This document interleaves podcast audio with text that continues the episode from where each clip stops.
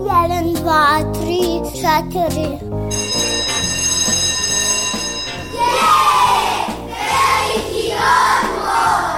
Emisija o obrazovanju i vaspitanju. E, Kad neka vaspitačica kaže da je veliki odmor, onda nešto radite. Jedeš, treniraš, skačeš, julješ se, eto, i tako. Slušate veliki odmor. Veliki odmor.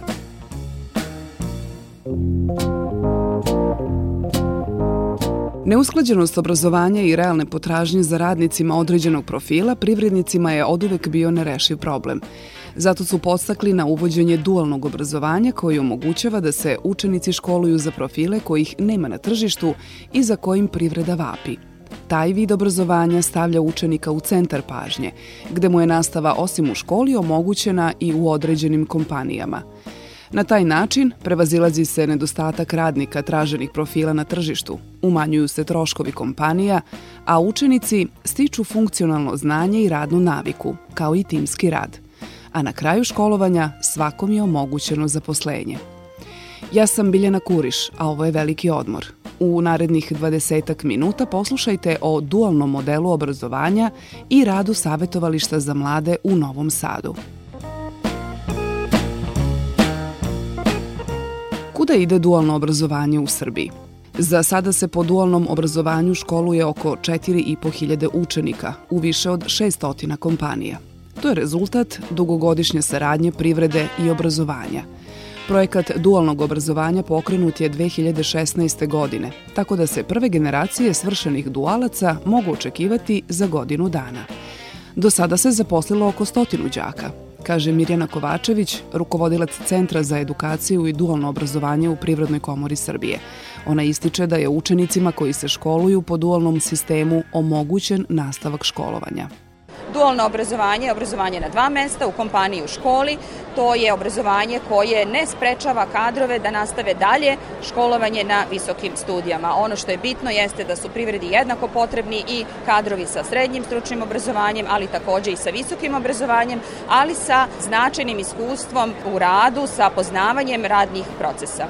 Kada je reč o najtraženijim profilima, Kovačević dodaje da su to proizvodna, odnosno zanatska zanimanja. Industrijski mehaničar, bramar, zavarivač, električar, modni krojač, tu su dalje i neka nova modelar odeće ili industrijski krojač, i, i slično. Znači, proizvodnja pre svega u tekstilnoj industriji, u mašinskoj, metalnoj, elektroindustriji, u industriji drvnoj i prerađivačkoj industriji nameštaja vapi za kadrovima. Dualnim modelom obrazovanja privreda je pružila podršku srednjim stručnim školama i otvorila vrata srednjoškolcima da uđu u kompanije i da osim formalnog znanja steknu i neophodnu praksu. Praktično to donosi i dodate vrednosti jednoj i drugoj strani. Privrednicima olakšava selekciju kadrova i praktično obrazovanje u skladu sa svojim potrebama, a đacima pruža mogućnost da testiraju sebe, da li su odabrali pravo zanimanje ili eventualno žele da ga menjaju, a da li možda žele i da po završenom obrazovanju nastave dalje na visoko obrazovanje.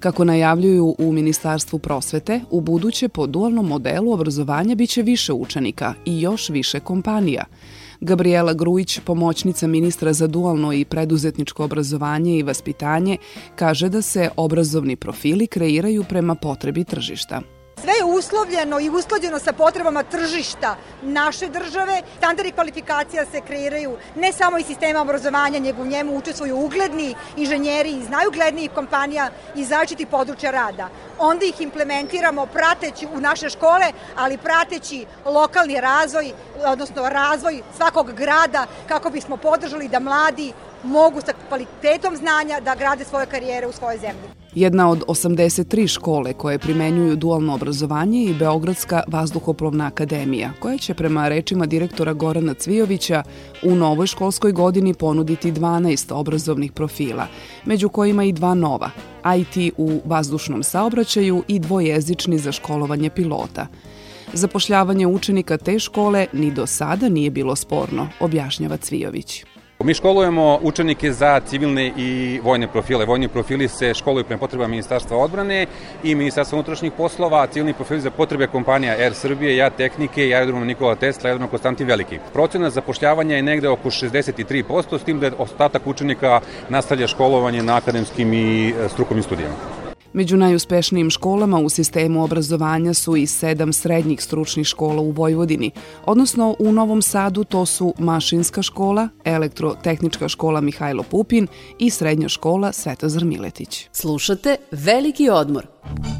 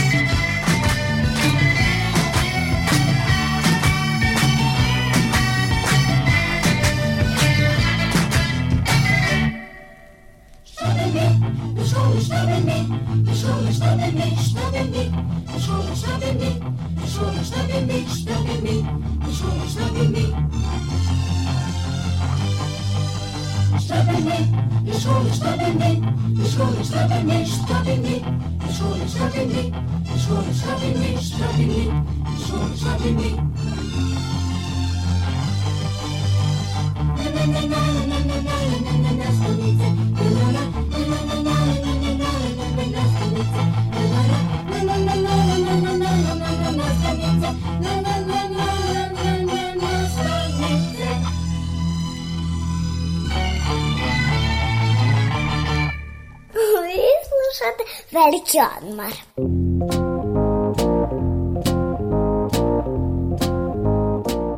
Savetovalište za mlade u Novom Sadu osnovano je pre 15 godina kao jedno od prvih polivalentnih i multidisciplinarnih savetovališta u Srbiji. Taj vid rada jedinstven je u našoj zemlji, jer obuhvata rada sa adolescentima o višeslojnoj prevenciji. Prevenciji narkomanije, alkoholizma i pušenja, prevenciji kockanja, prevenciji seksualnog partnerskog nasilja kod mladih, kao i o edukaciji o očuvanju reproduktivnog zdravlja, odnosno značaju pravilne ishrane. Doktorka Dragana Zarić, magistar medicinskih nauka, sa svojim timom redovno obilazi škole u Novom Sadu i okolini i drži predavanja. Iako zakažemo predavanje, to nikad nije klasično predavanje, nego su to uvek više razgovori sa mladima. Mi na licu mesta u odnosu na auditorijum trenutni prilagođavamo koncepciju naše radionice, odnosno predavanja. Mladi puno znaju, ali s druge strane imaju i puno dezinformacija koje se najčešće saznaju. Nekada su vršnjaci bili najčešći izvor netačnih informacija, sada je to internet, koliko god da nam je doneo dobro, toliko nam s druge strane strane donosi i neproverenih informacija koje naravno ne mogu da se kontrolišu i stoga mi imamo jedan rovovski posao, to je da se borimo protiv svih tih dezinformacija i da im pružamo konkretne, tačne, naučno zasnovane informacije u vezi sa zdravljem njihovih reproduktivnih organa. U razgovoru sa doktorkom Zarić saznala sam da su zablude kod adolescenata o partnerskim, odnosno seksualnim odnosima veoma česte. Da, zablude naravno uvek postoje, naročito kada dođemo do priče o kontracepciji. Postoje zablude da cena kondoma diktira kvalitet, što mi pokušavamo da im objasnimo da nije tako, jer znamo da jedan tinejdžer sa džeparcem koji je vrlo oskudan će pre kupiti sebi i devojci piće nego što će kupiti kutiju kondoma i onda ih naravno učimo da su kondomi koji se prodaju u apoteci koji koštaju mnogo manje od ovih brendiranih, skupljih, da su takođe adekvatna zaštita. Postoje e, takođe predrasude da se njima ne može desiti neko polno prenosivo oboljenje, jer se to dešava nekom drugom, određenim grupacijama društva na margini. Potom postoje, naravno, uvek e, one neke nejasnoće u vezi sa time kada se može, kako se može zatrudniti, odnosno kojim danima u toku menstrualnog ciklusa i to je jako bitno da sa njima razgovaramo kako bi e, na najadekvatniji način oni znali da se zaštite. Izuzetno je važno da akcentujemo na potrebi za preventivnim merama koje su neophodne kako bi se sprečili najčešće poremeće reproduktivnog zdravlja adolescencije, to su neželjene trudnoće i polno prenosive infekcije. Veoma je važno da se mladi obrazuju o tome kako da očuvaju svoje reproduktivno zdravlje. Znanje o tome nudi neumoran tim savetovališta, tako da svako pitanje koje mladi postavljaju nije suvišno, niti može da bude pogrešno. Ono što je takođe vrlo često pitanje je kada je pravo vreme za prvi seksualni odnos. Mi naravno nismo tu da kažemo tačne godine, pošto to ne postoji, ali ono što ih učimo je da sami u sebi prepoznaju moment zrelosti tako što će biti svesni svih mogućih posledica koje taj čin nosi sa sobom i ukoliko ukoliko znaju na koji način da preduprede te posledice, ukoliko imaju osobu s kojom su u stabilnoj vezi, ukoliko nemaju nikakav osjećaj stida ili krivice od tog čina, onda je to pravo vreme. Normalno da mi preporučujemo da to bude ipak u što kasnijim adolescentnim godinama zbog osetljivosti reproduktivnih organa jednog deteta koji je još uvek u fazi rasta i razvoja i samim tim veće mogućnosti za nastanak neke polno prenosive infekcije ili povrede. I to je ono što mi njima kažemo, a nekako nadamo se da će oni to negde usvojiti i ponašati se shodno to.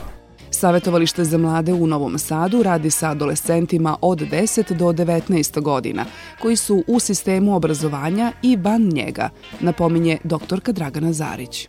S obzirom da je internet e, među mladima danas dominantan način komunikacije, mi imamo naš profil na društvenim mrežama, znači na Facebooku, Instagramu, na Twitteru. Takođe, postojimo i na sajtu Doma zdravlja Novi Sad. Imamo e-mail adresu, tako da mladi na sve ove načine mogu nama da se obrate ukoliko imaju neku informaciju. Ukoliko žele da porazgovaraju lično sa nama, jedan na jedan savetovanje bez prisustva ostale dece u razredu, njima su naša vrata vrata otvorena u objektu Jovan Ivanović Zmaj, koji se nalazi u Zmaj Ognjena Vuka 19 na prvom spratu, svakako dan od 7 do 20 časova. Emisija o vaspitanju i obrazovanju. Emisiju realizovali ton majstor Sabina Nedić i autor Biljana Kuriš, koje vam žele prijetan vikend.